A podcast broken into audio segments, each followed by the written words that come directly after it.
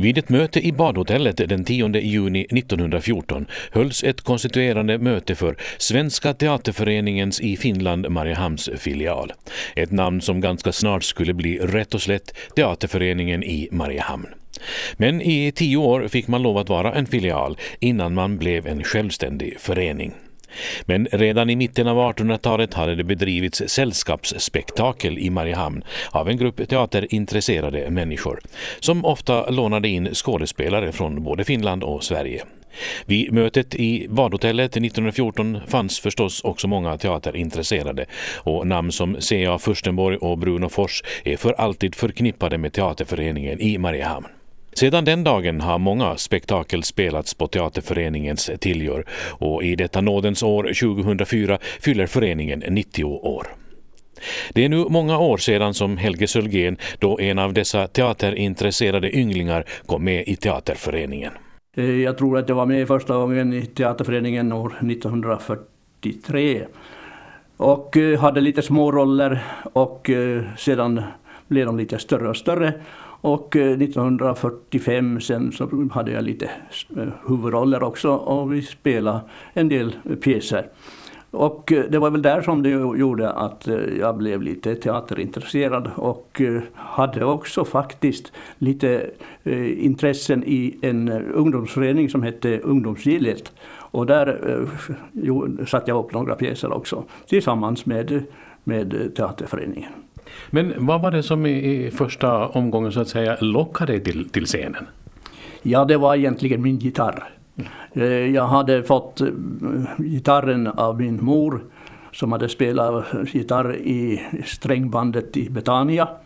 Och eh, jag var så intresserad av det där så att eh, jag började spela lite gitarr och sjöng då. Och det gjorde att jag började framträda med ungdomsföreningsmöten och sånt där. Och eh, jag lärde mig fler och fler sånger och blev intresserad av det där. Och det gjorde att jag då kom att eh, känna scentrycket eh, som var ju lite speciellt. Och jag lärde mig också att tycka om applåder så det var, låg nog i, i ungdomens intresse på den tiden.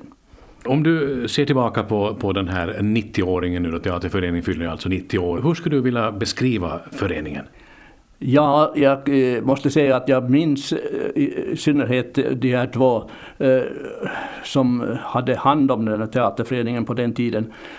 Det var Bruno Fors, rektorn i lyceet, och Toivo Hämäläinen som var på Eh, telegrafen i Mariehamn i sitt dagliga värv men som var så teaterintresserad.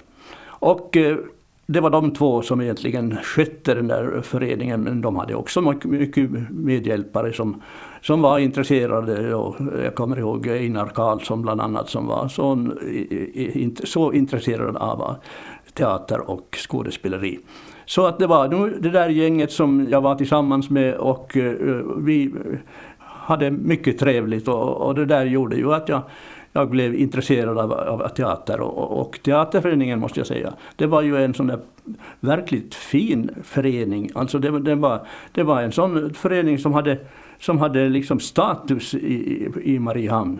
Bland annat när, när, eh, det här, när man byggde scenen på Stadshuset så fick Teaterföreningen hand om den här utformningen av scenen. Visserligen hade väl arkitekten gjort en del saker men det gällde då att få det här praktiskt och fint och, och, och, och det skötte just eh, Bruno Fors och Toivo Hämäläinen och det var väldigt fint. Så det var riktigt meningen från första början att teaterföreningen skulle in i, teater, i Stadshuset? Ja, visst var det. Jag har med förvåning eh, sett de här, eh, alltså man har ju diskuterat om de här teatermöjligheterna för teaterföreningen och de blev ju till och med lite utsparkade här för inte så länge sedan. Och jag tänkte just att om de visste vad, vad egentligen eh, teaterföreningen har gjort för, för eh, Åland och, och, och, och Mariehamn så skulle de inte göra sådär. Ja, man, när man eh, bläddrar i de här gamla historikerna för Teaterföreningen så, så blir man ju onekligen lite smått imponerad över de pjäsval man hade ända från första början. Eh, pjäser som man kanske skulle, skulle klassa som både tunga, svåra och till och med smala. Hur kom det sig att man liksom hoppade på sådana pjäser direkt? Ja, det var just för att de var så intresserade dessa två. Det alltså, för det första var det ju just Bruno Fors som valde ofta de här pjäserna eh, tillsammans med, med Toivo Hämäläinen. Men de var inte rädda för, för den här uppsättningar av de här, utan de skaffade dräkter, lånade dem ifrån Stockholm och Helsingfors och sydde upp det. Hämäläinen han kunde göra allt. Han både sydde, rita, sminka, ja han gjorde allt. Och kanske ibland också hade han huvudrollen. Så att eh, nej, det, det, var de inte rädda för. Och inte moderna pjäser heller. De tog upp samma pjäser som gick på eh, teatrarna i Stockholm och Helsingfors. Du är inne på eldsjälar verkligen här. Och, och Teaterföreningen har ju faktiskt varit begåvad med, med flera eldsjälar än, än dessa två i och för sig. Jo, det är klart. Alltså det, det är tack vare dem som har drivit det. Jag, jag, om du talar om flera så kan man ju nämna till exempel Einar Karlsson som var en sån eldsjäl också. Men kanske framförallt Solveig Eriksson som var en sån eh, intresserad människa av, av teater och, och konstnärligt arbete överhuvudtaget. Så det är tack vare dem som. Och vi har ju nu en eldsjäl, Livendal. Och det behövs eldsjälar för att föreningsliv ska, ska leva vidare. Man kan med andra ord tillskriva dem ganska stor betydelse? Det, jag skulle säga att det, det är nästan allt egentligen. För att eh, det är ju i föreningsliv, man ser det ju överallt, det går upp och ner. Men finns det en eldsjäl av något slag så lever de vidare, visserligen med bekymmer, men de går vidare. Och Teaterföreningen i Mariehamn det är ju en verkligt långlivad men ändå väldigt eh, fin eh, plats som många ålänningar har varit tillsammans med och haft både nytta och nöje av. På tal om eldsjälar, du själv var ju något av en eldsjäl skulle jag vilja påstå. Speciellt under den här revyepoken. Åtminstone min generation och kanske de något tidigare så uh, väntar ju gärna på de sölgenska revyerna. Hur, hur ser du på den tiden? Ja, jag, jag, jag ser på den med både nostalgi och kanske också med ett visst intresse. Men jag tycker själv när jag nu tittar på mina revyer som jag håller på att göra nu och eh, eh, så måste jag säga att det var underligt att jag hade tid med allt för det var ju jobbigt att först skriva dem och sen sätta upp dem och sen vara med i dem och sen spela dem så många gånger som vi gjorde det varje år. Och eh, tio revyer hann jag med och de kom nästan varje år. Det var nog en enda gång det var fallera men för det mesta var de varje år. Så visst var det ju, eh, ja det var både roligt och trevligt och det gav mig också väldigt mycket. Det gjorde ju att jag kom med i samhället. Jag måste ju liksom så att säga följa med allt vad som för att ha de här eh, eh, möjligheterna att skoja om dem. Ja, många gånger så var väl revy och verklighet snubblande nära varandra egentligen. Ja, visst var det ju det. Eh, eh, ofta behövde man ju inte göra så mycket på scenen, bara nämna ett namn så var det redan... Eh, därför att alla människor kände ju de här stackars människornas något kanske problem som de hade eller någonting de hade varit med om. Och man behövde bara så att säga eh, nämna deras namn så jubla folk. Det var verkligen bra. Och eh, det måste man säga att till exempel när man sålde biljetter så gick ju folk uppe och eh, på nätterna och satt och väntade på de där biljetterna för att vara med vid premiären. Så det var vissa, det var fina saker. Du satte ju också upp pjäser, det, var, det blev inte bara revyer trots allt. Nej, det blev det inte. Jag hade ju då mina teaterdrömmar kanske lite, lite kvar ändå. Så att eh, dels så spelade vi ju för eh, teaterföreningen men jag hade ju också kinoteatern hyrd och spelade sångspel och, och, och, andra pjäser också under två års tid. Och pröva så att säga på det som man då talade om att man eh, på, i Mariehamn skulle ha en eh, stående teater, en, en sån där fråga som tydligen kommer och ploppar upp då och då. Eh, men jag har prövat på det, det gick inte då och jag tror knappast att det går nu heller. Så att det, det tycker jag att man ska, det resonemanget kan man nog lämna åt sidan. Vi är för få och vi har för fina teaterarrangemang i närheten av oss. Dit kan vi gärna fara dit och ha trevligt tillsammans och eh, se fin teater. För att återgå till dina revyer, det var ju rätt stora uppsättningar trots allt, krävde mycket skådespelare. Var det lätt att få tag i skådespelare på den här tiden? Ja visst, det var lätt. Jag vill minnas att eh, när jag skulle ha flickor som var med i balletten, det, det var inga svårigheter. De ville allesammans vara med. Och eh, det är ju roligt att se de här bilderna nu. De här flickorna, de är idag lite äldre, men med i livet precis som förr och inte är de annorlunda än de andra. Men nu allesammans har de säkert mycket goda och glada minnen från den där tiden som balettflicka på Stadshuset i Mariehamn. En annan typ av uppsättningar som man knappast kan komma förbi, det är operetterna. Det var ju många operetter som har passerat revy, om vi får kalla det så, på Stadshusets scen. Ja, det, det hade. Och nu jag satte jag, jag inte upp de här, så jag är inte så inne i det. Men, men det var ju Solveig Eriksson som hade det som sitt eh, skötebarn, att, att eh, alla de där stora operetterna skulle hon ha med. Och jag fick ju ofta fina roller i de där, så att det var mycket trevligt. Och, och eh, det krävde också förfärligt mycket arbete, att, bland annat på slutet här som vi hade några av de här som vi, vi övade in dem av teaterorkestrar i Helsingfors. Och sen var de bandade och så gick föreställningarna på det sättet, för vi hade ingen levande musik. Men nu gick det bra och det blev fina föreställningar i alla fall. Långt efter Helge Sölgens egentliga revyperiod var han igen inkallad som revymakare. Året var 1977 och revyn fick namnet En salig blandning och då lät det så här. Vi hör en del av en sketch där Einar Karlsson och Helge Sölgen jämför julklappsböcker. Ja, ja, jag fick en utav uh, Folke Winqvist igen. Ja, jag ser det. Ja, just snyggt sagt. Ja, visst är det det. Ja. ja du vet. Eh, vad, vad, vad, vad handlar den om? Jag menar, vad, vad heter den? Ja, den heter Strandbodarnas förbannelse. Eller kalkerpapprets välsignelse. Och sen har jag en bok här som heter mm. Det mörknar över Trätö. Jaha. Jo, jag ska läsa lite vad det står.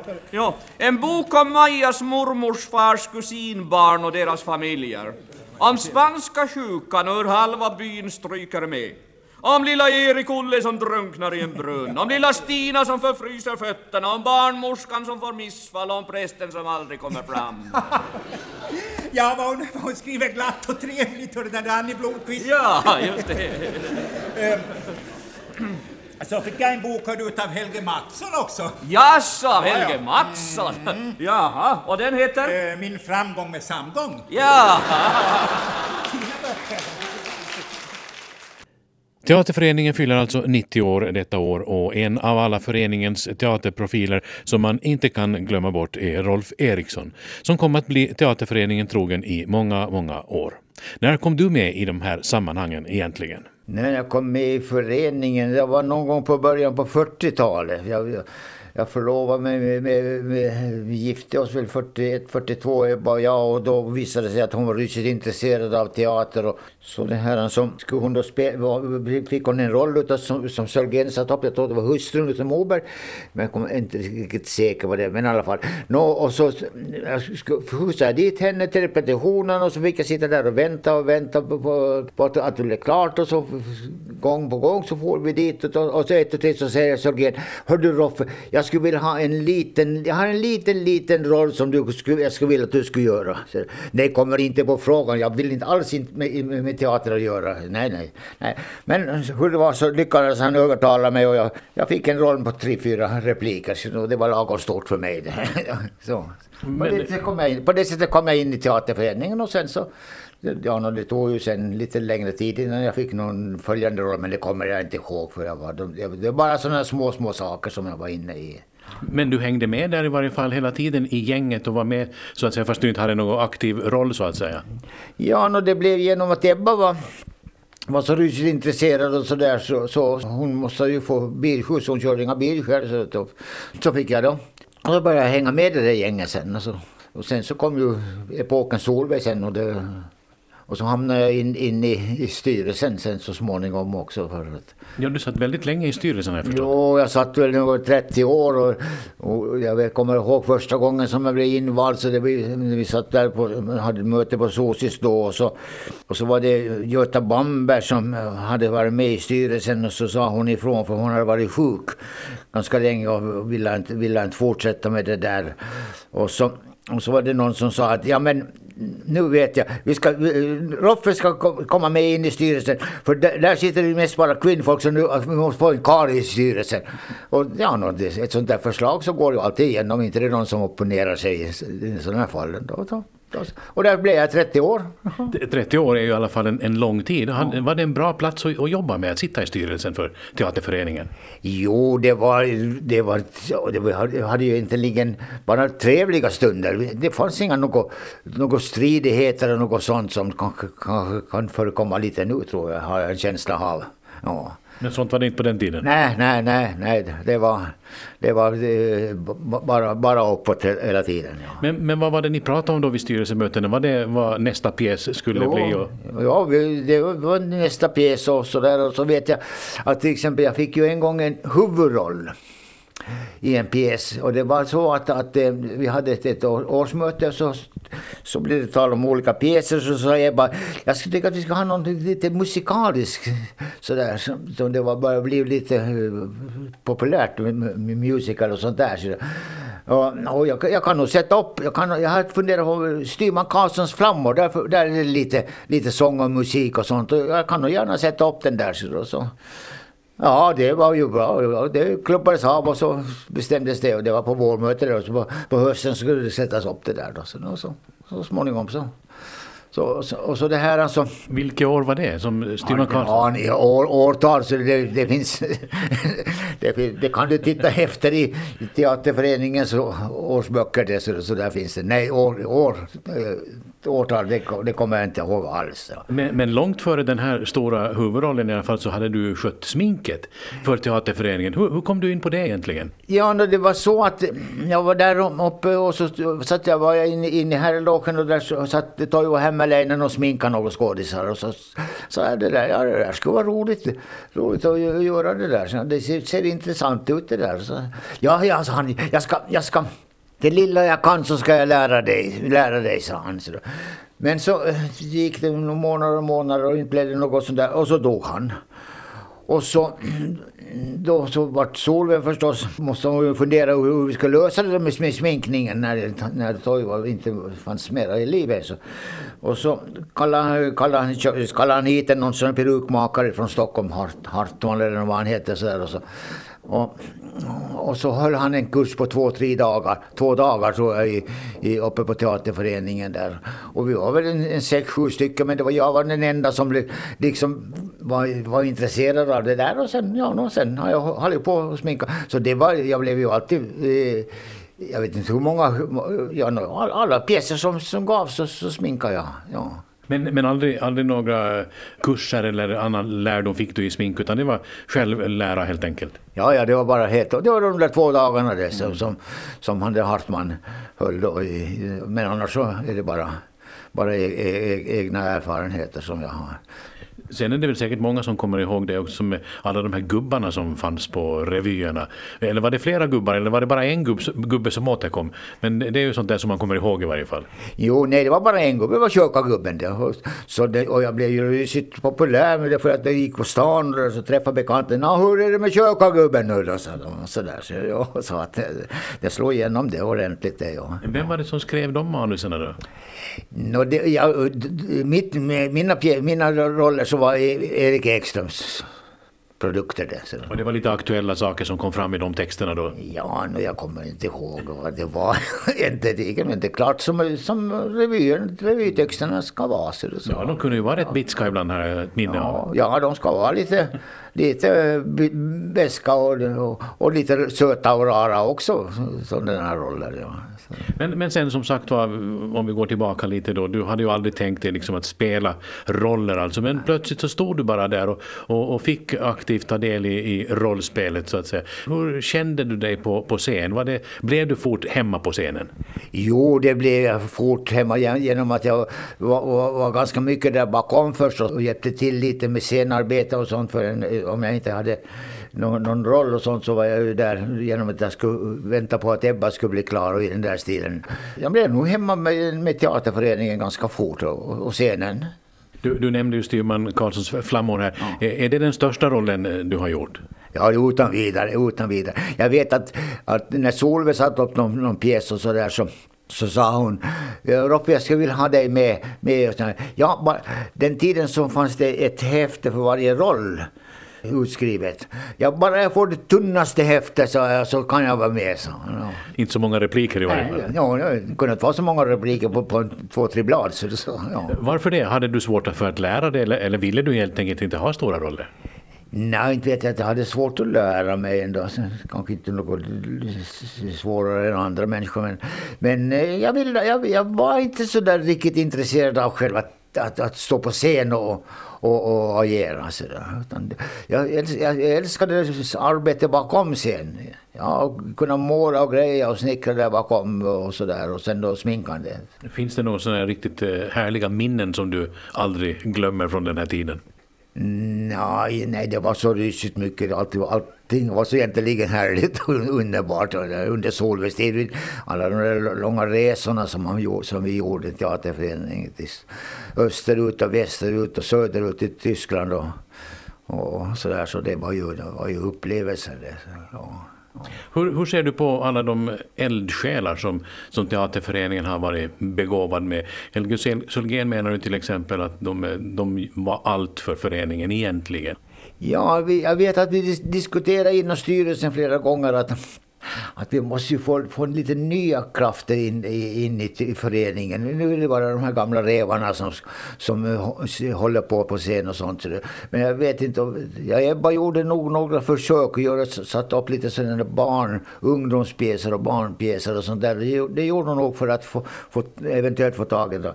Men, men inte var det, nu, blev det, nu blev det den gamla stammen som hela tiden skulle, skulle agera var det så att det blev svårare undan för undan att få ungdomar att ställa upp? Det är ju många timmar som går åt att, att öva in en pjäs i varje fall.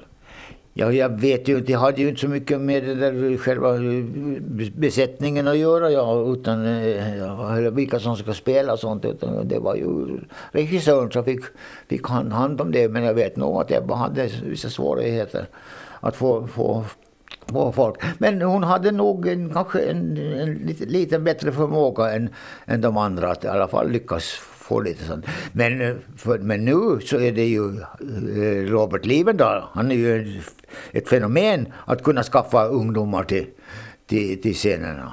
Ja, ja, det är inga problem där. Han, han, är den moderna tidens eldsjäl här i, i, föreningen. Ja, utan vidare. Utan honom så, så skulle, det vara, skulle inte vara så mycket, mycket med att göra. Det är ungefär, han efterträdde Solveig helt och hållet i, i, det, i det fallet också. Så att, ja. Och när du ser tillbaka på teaterföreningen, hur tycker du att eh, teaterföreningen har fungerat som, som en teaterförening? Ja, jag kan inte tänka mig att jag skulle kunna uppträda på något annat sätt. Ja, det är, det är klart att det kan kunna vara lite schismer ibland, lite smått sådär små stridigheter men att eh, Överhuvudtaget så var det nog en, en förening som, som eh, höll ihop vått och torrt. Och, det var, och trevligt hade vi egentligen alltid. Och, och livskraftig har ju föreningen varit, den fyller ju 90 år nu. Vad skulle du vilja ge som färdkost åt föreningen framöver här? Kan inte tänka mig egentligen att det skulle finnas något som är bättre än den där, den där gemenskapen som vi hade där, där då inom föreningen de, där, de 30 åren som jag jag jobbade ju lite efter det, jag slutade i styrelsen också förstås, men det, det var inte så mycket det. Någonstans mellan 50 och 60 pjäser blev det som Rolf Eriksson kom att medverka i. Och han som många annan har fått ta del av vad teaterrecensenterna tycker och tänker om ens arbete. Recensenten en person som man antingen älskar eller hatar beroende på vad som skrivs. Benita Mattsson Eklund är en av våra teaterkritiker som sett och bedömt många av Teaterföreningens uppsättningar. Hur många egentligen? Nej, det vågar jag mig inte på att säga, men eh, minst en per år under 20 år. Nej, det är nog flera än en per år. Kanske 40 då. Är det någon av de här pjäserna som du kommer speciellt ihåg? Jag var rädd för att du skulle ställa den där frågan för att de, de flyter ihop i minnet de här pjäserna, det gör de. Det jag har väldigt glada minnen av det är revyerna på Stadshuset. De har jag alltid sett fram emot. Tyvärr så har de blivit glesare med åren. Mm. Det önskar jag faktiskt att man skulle ta upp igen. Pjäserna då, de har ju aldrig varit rädda egentligen för att eh, hoppa på tuffa pjäser egentligen, svåra pjäser, tunga, smala. Mm, det är sant. Man är faktiskt ibland förvånad över vilka bitar man vågar sig på. De stora klassikerna, typ Romeo och Julia eller Holberg, Molière. Alla de här som spelas av stora professionella teatrar med oändligt större tillgångar. Så det är faktiskt tufft av föreningen att våga sig på att ha ambitionen att visa det här för lokal publik. Tycker du de klarar av det? Ibland går det alldeles utmärkt och ibland går det väl mindre bra. Nu, man eh, förändrar ju också pjäsen när man gör den lokalt. Man stryker ner och anpassar formatet till vad man kan göra så att säga. Så det är ju ofta en, ska vi säga, egen variant av klassikerna som spelas. Vad är det som du som recensent eh, tänker på när du ska göra en, en recension, när du ska göra en bedömning av det som visas upp? Man försöker väl att tänka på helhetsintrycket, hur alla bitar ser ut när man lägger dem tillsammans. Sen tänker man ju också på de enskilda prestationerna, på vad skådespelarna gör av sina roller, inte alls bara huvudrollsinnehavarna utan alla. Det finns ju biroller som kan bli mycket intressanta ibland. Och sen också dekor, ljussättning, alltihop försöker man att göra en bedömning på. Men en recension det är ju alltid en personlig åsikt. Det är ju ingen gudsdom på något vis utan det är ju vad jag tycker, mitt intryck av pjäsen. Och det är kanske ibland överskattat vad recensenterna tycker. Det är ju faktiskt två eller tre människors åsikter som kommer fram i offentligheten. Men ibland så är du tvungen att ta till obekväma formuleringar. Hur har sådana mottagits av Teaterföreningen i Mariehamn? Eh, nå, jag antar, eller jag tycker åtminstone att de tar det med jämnmod. Det är klart ibland så kan man nog få sura reaktioner. Visst är det så, det är ett litet samhälle.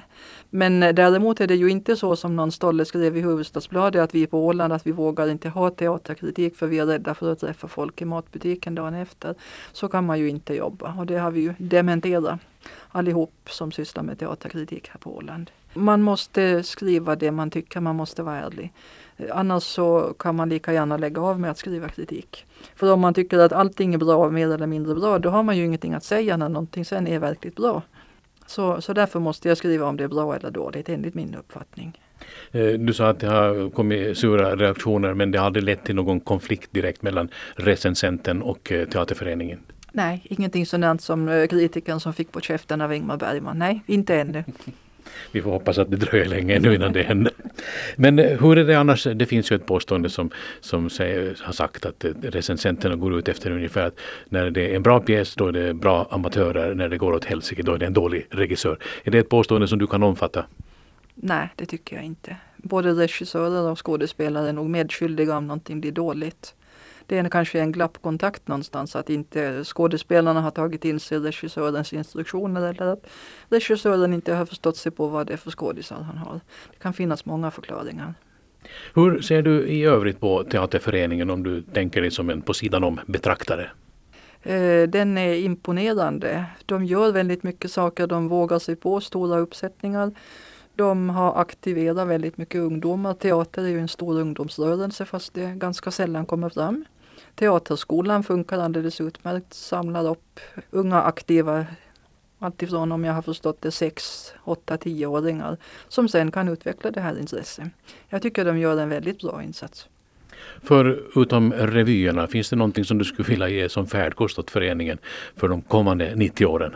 Jag önskar att man fick se lite mer samtidsteater, kanske små uppsättningar, timslånga enaktare, vad som helst. Gärna någonting med lokal anknytning skrivet av lokala författare gärna. Det kunde vara skojigt. Man behöver ju inte alltid ha den stora apparaten med mycket scenbild och dekor och frisyrer och allting sånt här. Man kan göra bra teater utan det också. En annan teaterprofil som man inte gärna kan komma undan är föreningens nuvarande ordförande Robert Livendal. Han kom med i teaterföreningen 1964, men det var redan i skolan som hans teaterintresse väcktes på allvar, tack vare alla juluppsättningar. Och det var också i skolan som han satte upp sin första pjäs. Ordförande blev han i föreningen 1993 och då undrar man ju hur lätt eller svårt är det att kombinera ledandet av en förening och samtidigt ha det konstnärliga ansvaret. Det upplever jag som ganska tungt men roligt. Finns det konflikter där? Ja, det finns det. Därför att eh, en stor del av, av, av, arbetet med att leda en, en sån här förening det är ju den ekonomin. Att få det att rulla och att, att eh, vi inte i styrelsen ska behöva gå till banken och ta personliga lån och sånt. Det, det, det måste ju jag se till att, att så inte får ske. Så därför måste vi också ha ett utbud och ha en sån marknadsföring och vara så aktiva att, att vi, vi, vi har lite medel på konto så att säga.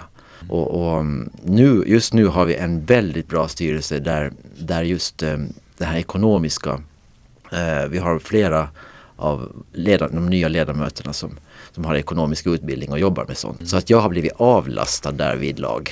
Du får eh, ägna dig mera åt det konstnärliga. Ja, och det, det Hur tycker jag är skönt. uppsättningar har det blivit för dig under årens lopp sedan du kom med i Teaterföreningen? Oj snälla någon vet du, jag vet inte. Alltså ett 30-tal skulle jag tro. Mm. Ja. Och då har en, en hel del av dem varit eget material. Hur många har du skrivit själv? Eh, jag har skrivit 18 pjäser själv. De flesta av dem har uppförts av Teaterföreningen. Eh, när vi eh, då ser på Teaterföreningen över alla dessa 90 år, vilken pjäs är det som har haft den största framgången, varit mest framgångsrik under alla dessa år? Vad menar du, publikmässigt eller? Ja, det är väl det man tänker på kanske i första hand. Ja, och det är ju då den här Farsen snurr på Sosis hette den. Som jag skrev då. Den spelades 1991-92. Och, och den var det 6300 som såg. Så det är all time high får man säga? Ja det kan man väl säga och det, det, det gick väldigt bra. Vilken uppsättning tycker du själv att ha, ha varit den bästa uppsättningen under din tid som, som ordförande i, i föreningen? Jag tyckte väldigt mycket om eh, den här sista uppsättningen, musikalen Annie, som Synnöve Westerberg satte upp. Det var ett hårt arbete för oss alla eh, att gå i land med den uppgiften jag, jag brukar säga att det finns en devis sen tidigare att vi är för små för att göra det enkelt. Och det tycker jag är en bra devis. Att man faktiskt tar sig an mm. eh, svåra uppgifter och det är en utmaning och, och, och i synnerhet när folk är beredda att göra sitt bästa så känns det bra. Jag tycker att det var en av de bättre uppsättningarna vi har haft. Eh, arvet efter de tidiga ledarna, allt sedan begynnelsen egentligen, så, så har ju varit en väldigt tuff repertoar när det gäller klassiska pjäser och sådant, vilket som man fortfarande kan se i Teaterföreningens uppsättningar. Har det här varit ett tungt arv att eh, förvalta? Jag vill inte säga att det är tungt, men eh, det är så att du vet att närheten till Stockholm, Åbo, Helsingfors eh, människor reser mer, har lättare att röra på sig, har gjort att eh, och då, där ser de mycket teater. Och det går teaterresor och så vidare. Och vi har TV. Det, på ett helt, det finns ett helt annat utbud idag än det var förr. Och det gör också att kraven för oss höjs. Vi måste bli bättre och bättre för att kunna konkurrera med de här fantastiska teaterutbudet som finns i våra närorter. Därför så skulle väl vara det som skulle vara tungt i så fall när det gäller din fråga. Men ni är fortfarande ja. inte rädda för att ta upp eh, pjäser som nyligen har gått på de stora scenerna både öster och väster om oss? Nej, men det beror på att vi har så pass många goda förmågor på Åland. Mm. Som har spelat med länge och, och som har verklig talang. Och det här är ju något som varit kännetecknande för Teaterföreningen alltsedan deras första pjäser på, i början på 1900-talet. Jo, man har, man har jobbat hårt och, och mm, försökt föra fram de här skådespelarna som verkligen vill och har lust att ägna så här mycket tid åt, åt teater och gett kurser och så vidare. Men sen kommer jag ihåg så Solveig, hon kallade in mig några år före sin, sin bortgång och sa att kom ihåg det Robert med scenografin och att det ska vara klass på det här och, och så vidare. Och det kostar ju pengar men, mm. men vi har nog klarat det.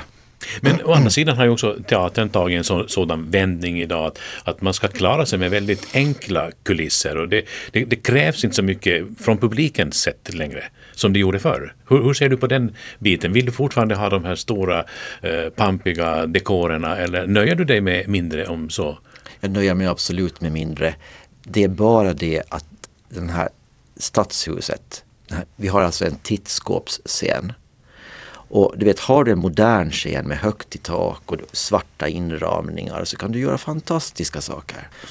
Men den här stadshusscenen, så det, det är svårt att eh, göra någonting som ska vara nyskapande därvidlag. Men vi försöker ibland.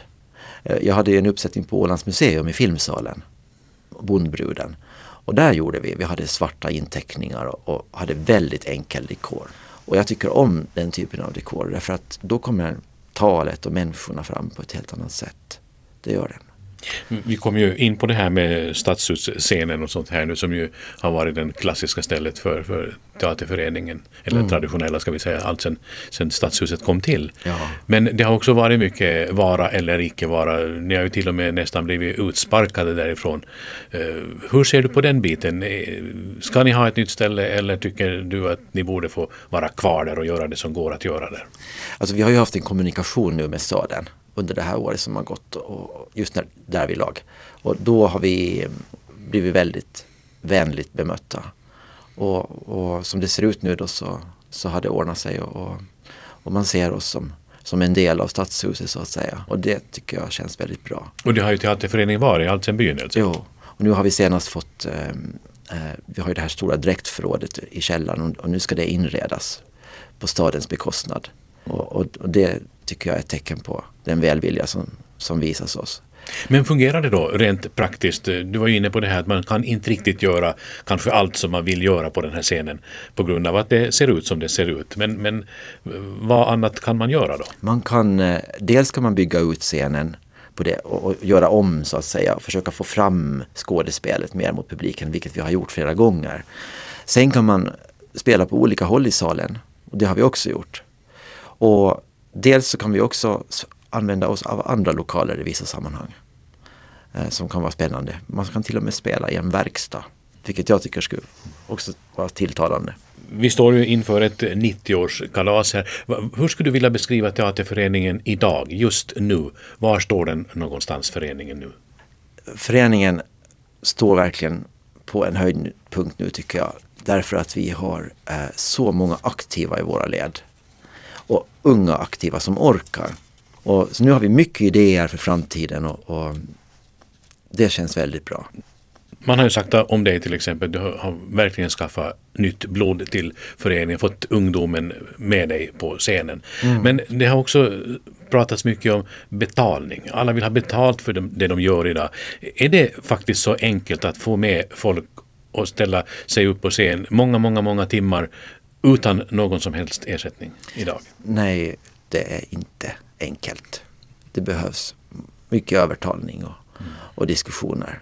Det är så också vet du att, att, genom att man också blir bedömd när man står där så det är inte alla som, som vill stå där och bli bedömda så att säga av recensenter och så. Mm. Vilket ju också är ett nödvändigt ont egentligen. Det är absolut Eller gott, man, man, beroende på hur det skrivs. Jo, jo. För mig har det till exempel varit ett nödvändigt ont eller gott då. Därför att det, har, det, det lär ju en att man läser recensionerna på rätt sätt. Men eh, det, det är inte lätt att, att få tag på, på skådespelare. Särskilt inte om man ska ha, ha, högre krav då.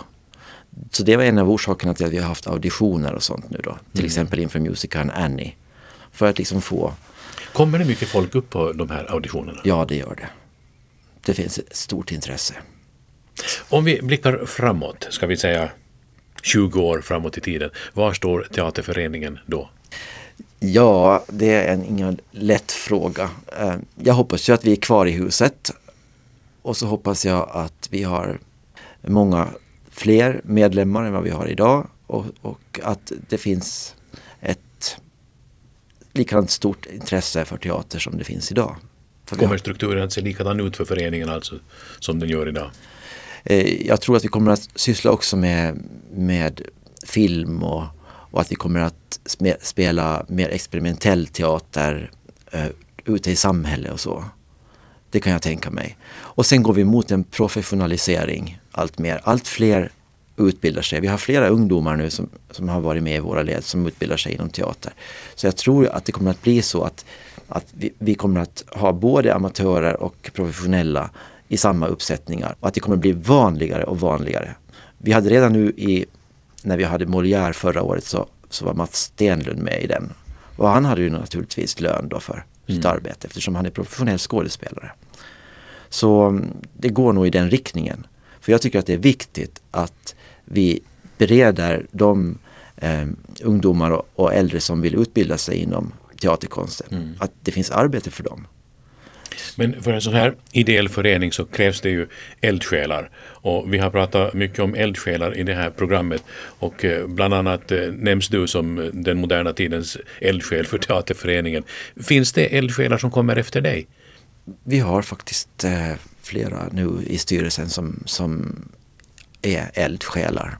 Det är faktiskt sådana eldsjälar som har varit med i våra led när de var eh, tonåringar och spelat i olika pjäser, små roller och så. Och så har de studerat borta i fyra, fem år och nu har de kommit tillbaka till Åland och arbetar här. Och, och så därför så tror jag faktiskt att, att eh, de här eldsjälarna är villiga att ta över så småningom. Så framtiden ser ljus ut för teaterföreningen? Ja, det gör den. Den 7 februari blir det jubileumsfest för 90-åringen där de inbjudna kommer att bjudas på dels en enaktare samt utdelning av Solveigpriset. Men som en del av jubileumsåret planerar teaterföreningen också att sätta upp Djävulsdansen i Bomarsund i sommar. Djävulsdansen som senast gjorde stor succé 1970 vid Notviksbasen i Bomarsund. En uppsättning som undertecknad minns med både glädje och nostalgi. Jag ska avsluta detta föreningsporträtt genom att bjuda på ett litet stycke ur revyn Cocktail. En åländsk variant av Grevinnan och betjänten. Här gestaltade av Ann-Louise Fogelström och Ove Andersson. Är alla här nu, Pekka? Eh, Jag ska, låt se. En, två, tre, fyra, elva. Eh, jo, Jakola, hela regeringen är församlad. Åtminstone fysiskt. Nå, så bra. Nå, då börjar vi med välkomstdrinken. Jakola. Grön chartreuse.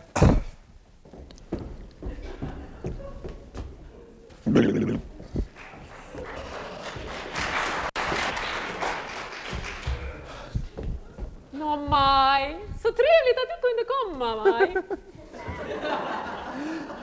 Du vet inte hur skönt det är att komma bort från jobbet en stund. Att vara minister tär verkligen på kroppen. Som vi brukar säga inom sjukvården, snoppen. Och Rune. Nej, nej, nej, nej. Eh, Karl-Göran, ja kära KG. Vet du, jag delar verkligen dina värderingar. Ja, vad vore... Vad vore... Miljön heter det. Vad vore miljön utan er? Ja, det är viktigt att vi har en, en ren och fin miljö med tanke på... Med, med, med, med tanke på...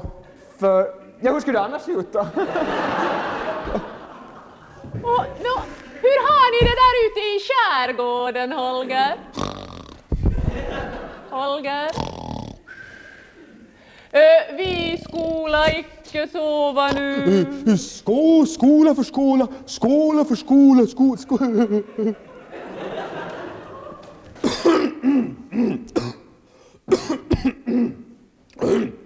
Ja, jag skulle säga... Jag skulle säga som jag brukar säga i älgjaktlaget hemma i Lämland. Nu ska vi... Nu ska vi vara sams och inga skjuta på varandra. Eller som Gunnevi brukar säga i landstingsgruppen. Nu gör vi som jag säger.